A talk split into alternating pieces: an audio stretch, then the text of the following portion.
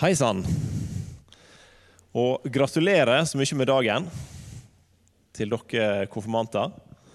Eh, Jeg heter Bjørn Sverre Juliussen. Jeg er da tidligere ungdomsleder her i Betlehem. Så det betyr at jeg har fram til i fjor, fram til for ett år siden, litt over et år siden, så uh, jobba jeg her i Betlehem, i litt det samme som Ragnhild driver med. Og eh, Det betyr at jeg har fått lov til å ha konfirmanter før. Og jeg ser uh, tre av mine tidligere konfirmanter i rommet og det er jo veldig hyggelig. Uh, og det, Da syns jeg det er veldig kjekt å få lov til å komme hit og få lov til å dele dagen også med dere som er årets konfirmanter.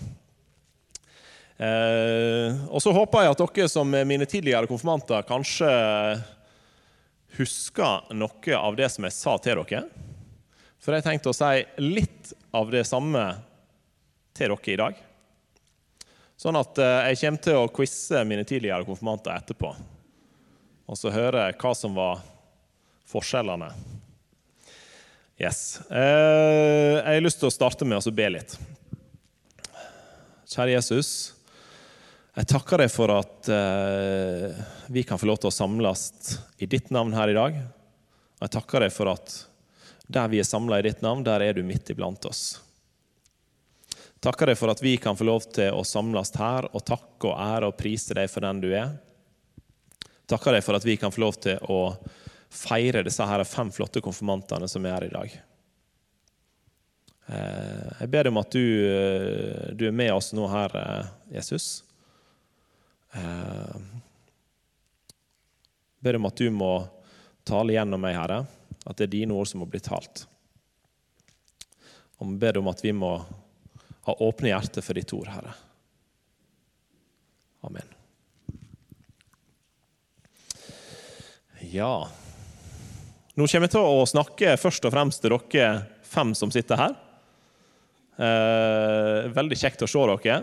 Og det var utrolig Flott å få se dere komme inn også. I dag er dere utrolig flotte, og det er dere sikkert til vanlig også. Jeg kjenner noen av dere litt fra før også, så dere er flotte. Og dere som er her eh, i dag, som ikke er konfirmanter, dere må vel eh, kunne også si at dette her det er flotte ungdommer. Dere er kanskje ikke den mest eh, objektive gjengen sånn sett, men, men det er utrolig flott å se dere i dag. Dere er flotte ungdommer, og så er dere veldig forskjellige. Dere er forskjellige ungdommer med forskjellige egenskaper. Og dere er alle sammen utrolig komplekst sammensett. Og dere kommer til å ende opp med ulike studier, ulike yrkesvalg og ulike jobber. Og dere kommer til å få betydning for andre mennesker sine liv. Dere har allerede hatt betydning for andre, men dere kommer til å få enda mer betydning for andre mennesker sine liv. På forskjellige måter. Eh, det fascinerer meg stadig hvor ulike vi er som mennesker. Og at vi på samme måten er helt like. Og jeg tror at, at Gud har skapt dere. Jeg tror at det ikke er tilfeldig at dere er nettopp de dere er. Jeg tror på en Gud som har talt håra på hodene våre og som kjente oss før vi kom til.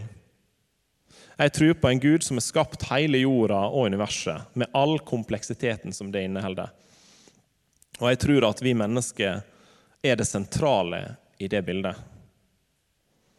Og at vi er skapte i Guds eget bilde til å forvalte jorda vår. Jeg tror at vi er skapte med en hensikt. At Gud har en plan med hver enkelt av dere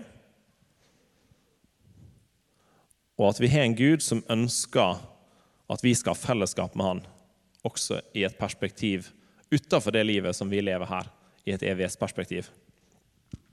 Og Nå har dere brukt konfirmantsamlingene til å lære om hvem Gud er, hvordan Han har skapt oss, og at Han har sendt Jesus, sin sønn, til soning for oss. Og Dere har lært hvordan dere skal leve i etterfølgelse av Han, sånn at han kan få lov til å vise dere sin plan med dere. Og det har dere jobba spesifikt med i år. Men det er ikke sånn at jeg tror at dere er ferdig utlærte, eh, og at dere nå har svaret på alt som livet har å by på. Eh, og det tror jeg egentlig at vi aldri blir fullt utlærte. Nå snakker jeg litt for min egen del, og så tror jeg jeg snakker for en del andre også. Eh, og jeg tror at vi heller aldri kommer til å få svaret på alt. Men dere har kanskje fått et grunnlag som dere nå kan gå videre med. Da jeg var konfirmantleder, så fikk jeg mange spørsmål fra mine konfirmanter. Og så prøvde jeg å gi gode svar. Vi hadde til og med en sånn Grill en kristen-samling der konfirmantene fikk sendt inn spørsmål eh, som gikk på det som står i Bibelen, gikk på trua og vandringa med Jesus. Og så var det jeg og flere andre som skulle prøve å gi gode svar på det. Eh, og dere har helt garantert stilt mange spørsmål til foreldrene deres også opp igjennom. Med alt ifra hva en banan er, til, til hvem er Jesus. Eh, vi har jo ei jente på tre og et halvt år, og hun har også begynt å stille mange spørsmål. Etter hvert ganske gode spørsmål. Og så er det mange spørsmål som er enkle å svare på, men så blir, jeg ofte, blir jeg ofte svar skyldig, da, som det heter. At jeg ikke har et, et godt svar da, på det spørsmålet som, som hun stiller. Eh, og sånn er det helt naturlig å tenke når en er liten og en fortsatt lurer på hva alt er. Og så tror jeg at det er tilfellet gjennom hele skoleløpet, men jeg tror også det er tilfellet gjennom hele livet. At alltid det er alltid ting du lurer på hvordan det er. Og så er det av og til jeg tenker ok, det spørsmålet eh, det, det høres kanskje litt dumt ut, så da stiller ikke jeg det spørsmålet. Eh, for det burde jeg egentlig vite. Og, og, det er fryktelig dumt. For jeg tror at det er veldig bra å stille spørsmål, uansett hvor, hvor dumme spørsmål dere måtte føle at det er. Og spesielt spørsmål som går på, på trua vår, spørsmål som går på det som står i Bibelen. Det tror jeg er veldig viktig at vi at vi stiller, og ikke, at vi ikke brenner inne med. Uh, sånn at det, det vil jeg at dere skal fortsette med. Spør foreldrene deres, spør kristne ledere, spør Ragnhild. Uh, spør vennene deres, slekta deres. For det er mange ting som er vanskelig å forstå her i livet. Det er mange ting som er vanskelig å forstå av det som står i Bibelen. Og spør i stedet for å brenne inne med det. ferdig Ferdig utlærte blir vi aldri. Men jeg tror at vi er helt avhengig av å, å stille spørsmål og undre oss i lag om ting og hvordan ting er. Og det har dere helt sikkert gjort gjennom konfirmantåret også. Eh, jeg har lyst til å bruke denne anledningen her til å formidle noe av, av det mest sentrale som dere og vi kan ta med oss videre i livet. Og Noe av det, det er at livet ikke alltid kommer til å være enkelt. Noe, det er ikke sikkert dere har hatt et veldig enkelt liv fram til nå heller. Men det er ikke sånn at alt i livet blir enklere heller når en blir eldre. Før så tenkte jeg litt sånn at når jeg blir voksen, så, så kommer jeg til å ha svaret på ganske mye mer enn det jeg har nå, tenkte jeg da jeg var liten. Eh, og så var det mange ting jeg tenkte at jeg kom til å ha svaret på. Ting jeg tenkte jeg kom til å være komfortabel med som jeg ikke er som voksen. Og jeg føler meg ikke helt voksen eller, fortsatt. da. Jeg er bare 32, så jeg er fortsatt en, en ungdom. da, på Akkurat innenfor definisjonen ungdom, tror jeg. Nå er jeg opp til 35. Um, det var kanskje litt dumt, det. Jeg tror ungdomsgrensa den går opp til der vi sjøl definerer den. Jeg er ikke dere enig i det? Det var kanskje folk som var over 35 her også, som ble litt fornærma av det. Det var ikke meninga. Um, men jeg tror noen av dere kanskje allerede har vært gjennom ting som er tøffe. Kanskje folk dere kjenner som har gått gjennom ting som ikke er så enkelt. Og foreldra deres, slekta deres, vennene deres som er rundt dere i dag, de som kanskje skulle vært her, eh, som ikke er i dag pga. at vi bare kunne være 50, de kan sikkert fortelle dere at livet ikke bare kommer til å som Fleksnes eh, sier, være en dans på roser. Ragnhild hun så Emil her om dagen. Jeg så Fleksnes. da. Han er jo heller ikke på en måte den, uh, ja. det, er, det, er, noen år siden Fleksnes gikk på TV, men det kan jeg anbefale til dere også. da. Fleksnes, god humor, sannheter om livet, litt andre ting. Og så er det Ja, nei da. Jeg tror det er mange anbefalinger en kan komme med som en heller ikke skal komme med. Um, men det kommer til å komme tøffe tider. da. Dere kommer til å feile. Dere kommer til å gjøre ting dere angrer på. Det garanterer dere. at Dere kommer til å gjøre ting som dere kommer til å angre på. Dere kommer til å bli utfordra, og dere kommer til å ikke alltid takle de utfordringene dere møter, på den måten dere hadde tenkt å takle det. Men sånn er det å leve, sånn er det å være menneske. Og heldigvis så har vi en Gud som ikke leter etter perfekte mennesker. Han leter ikke etter mennesker som ikke feiler. Han leter ikke etter mennesker som ikke opplever tøffe ting. Hele Bibelen er et vitnesbyrd om det. Og det er utrolig deilig å lese om personene i Bibelen. Moses, de utfordringene som han hadde. David, han stjal en annen manns kone og fikk mannen sendt ut i frontlinja i krigen til den sikre død. Det er den samme David som blir beskrevet som en mann etter Guds hjerte. Ikke pga. det han gjorde, men pga. at han så hva han hadde gjort gale, og han kom frem for Gud med det og ba om tilgivelse for det. Jonah, en av profetene, med all den motviljen og bitterheten som han viste. Også en utrolig eh, deilig person å lese om. Kanskje fordi du kjenner det litt igjen også, da. Han var langt fra perfekt, men Gud ønsker å bruke han likevel. Bråkjekke Peter, som fornekta Jesus, Thomas tvileren Alle disse er mennesker som Gud kunne bruke. Sjøl med alle de manglene som de hadde. Alle de grøftene som de falt i, alle de feilene de gjorde, men Gud ville bruke dem. Gud han leter ikke etter perfekte mennesker, men han leter etter mennesker som har skjønt nettopp det, og som ønsker å ta imot han. Han står der og tar imot alle de som ønsker å tro på han. Og uansett hva valg du måtte ta i livet ditt, hvis ting blir vanskelig, hvis du tar feil valg, så finnes det nåde. Og det er det viktigste dere kan ta med dere herifra, tror jeg. Se på den bortkomne sønnen, f.eks. Hvordan han ville ha all arven sin. Han spilte den vekk, levde et utsvevende liv. Og så kom han hjem igjen når det var uår i landet, og forventa ikke akkurat å bli møtt med, med en kjærlig klem. Og den kjærligheten som faren møter han med da han kommer hjem, han steller i stand en fest for han.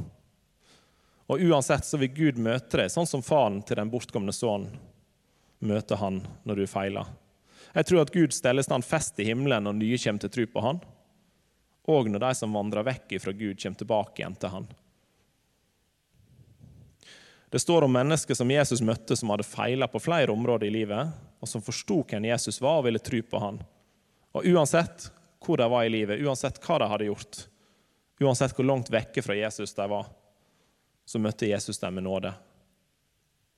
Heller ikke jeg dømmer deg. Gå bort og synd ikke mer. For uansett hvor du er i livet, så ønsker Jesus å møte deg og gi deg av sin underfulle nåde og sin fred, hvis du vil ta imot han. Gud han er nåde for alle, uansett situasjon. Og Det handler ikke om å feie synder under teppet, for Jesus er tydelig når han sier 'gå bort og synd ikke mer'. Han ønsker at vi skal leve et liv etter hans vilje, men han er der når vi ikke klarer det. Av nåde er dere frelst. Det er ikke av gjerninger.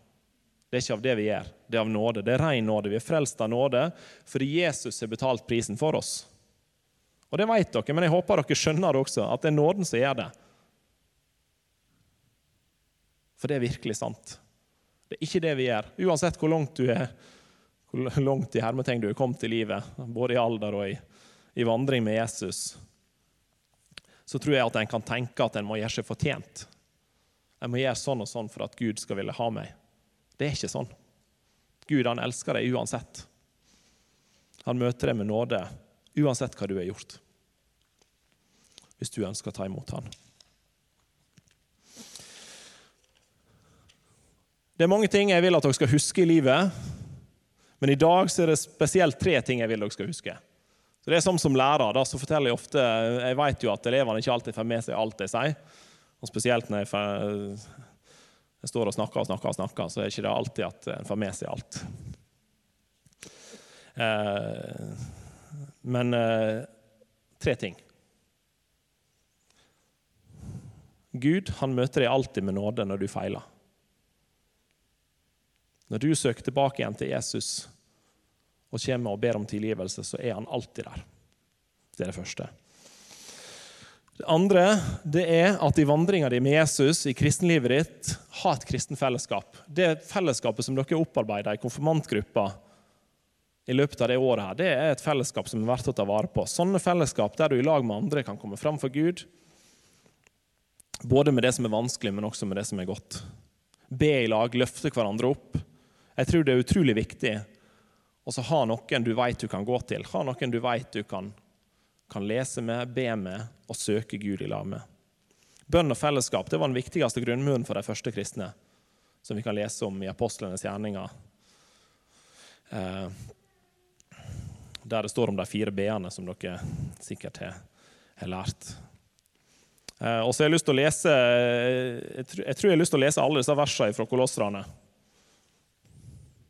Ikke sikkert det er tid til, men jeg tar meg tid likevel. Eh, det står i Kolosserne kapittel 3, vers 12-17, og det er vers som dere sikkert har hørt før. Men der står det noe om nettopp det fellesskapet, og hva slags ønske Gud har med det fellesskapet. Dere er Guds utvalgte, hellige og elskede. Ikle dere da inderlig barmhjertighet, godhet, ydmykhet, saktmodighet og tålmodighet. Så dere tåler hverandre og tilgir hverandre dersom en skulle ha noe å anklage en annen for. Like som Kristus har tilgitt dere, skal også dere tilgi hverandre. Men over alt dette ikle dere kjærligheten, som er fullkommenhetens samband. La Kristi fred råde i hjertene deres. Til den ble dere jo kalt i det ene legemet. Og vær takknemlige. La Kristi ord bo rikelig blant dere, så dere lærer og formaner hverandre i all visdom med salmer og lovsanger og åndelige viser, og synger med takknemlighet i deres hjerter for Gud. Og i alt det dere gjør, i ord eller gjerning, gjør det alltid Herren Jesu navn, med takk til Gud Fader ved Han. En kunne hatt en tale om hver av disse her versene her. Men et fellesskap, et kristen fellesskap, det er, det er utrolig viktig. Og jeg tror at det er noe som kan Eh, ja, kan hjelpe oss i, i, livet med Gud, som ikke alltid nødvendigvis trenger å være så enkelt. Det tredje bruk tid med Gud.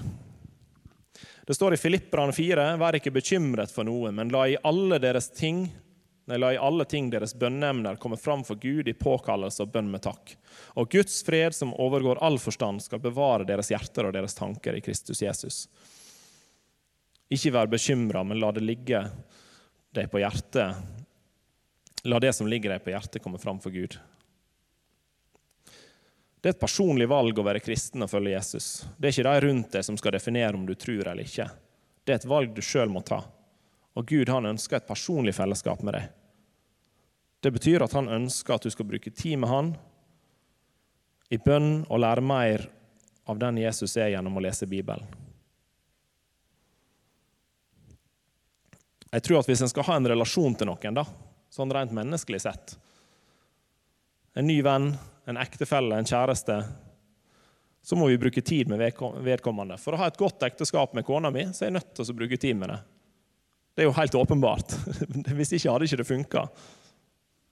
Jeg er nødt til å bruke tid med, med de som jeg ønsker å bli kjent med. For at vi skal få en god relasjon med våre medmennesker, så er det veldig mye enklere og veldig avhengig av at vi bruker tid med, med dem. Bruker tid med vennene våre, bruker tid med kjæreste, med, med ektefelle. Men enda mer, da vi ønsker å bruke tid. Ønsker, jeg ønsker å bruke tid med kona mi. Det hadde vært vanskelig hvis ikke, men det ønsker jeg. Uh,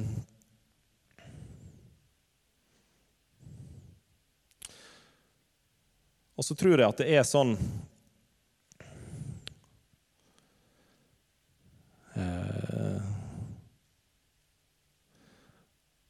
som vi sang om rett før her.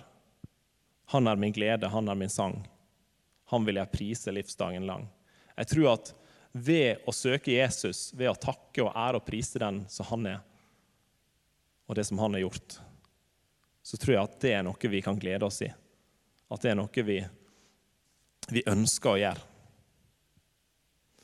Og så tror jeg at det vi bruker tida vår på, det som bor i hjertet våre, det er det som får lov til å prege oss. Bevar ditt hjerte framfor alt du bevarer, for livet går ut fra det, står det. For det hjertet er fullt av, det taler munnen. Jeg tror at det som får bo i hjertet våre, det er noe som preger oss. Og jeg tror at livet vårt går ut fra det.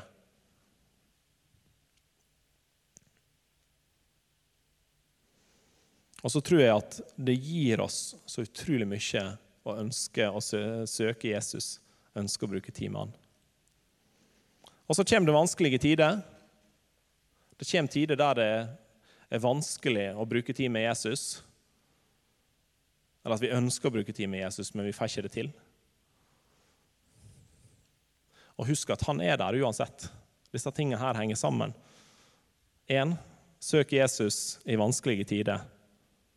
Han møter oss med nåde når vi feiler. Søk Jesus i både det som er godt, og også det som er vanskelig. Det andre søk et fellesskap. Ha noen du kan, kan søke Gud i lag med. Det tredje bruk tid med Jesus, personlig tid med Gud. Det er tre ting som ikke alltid er så enkelt, men jeg tror det er viktig. Ja, Det var det jeg hadde lyst til å si til dere. La oss be litt til slutt. Herre, jeg takker deg for at du ønsker å bli kjent med oss. Takker deg for at du ønsker at vi skal ta imot deg, Herre. Takker deg for at når vi søker deg, så er du alltid der.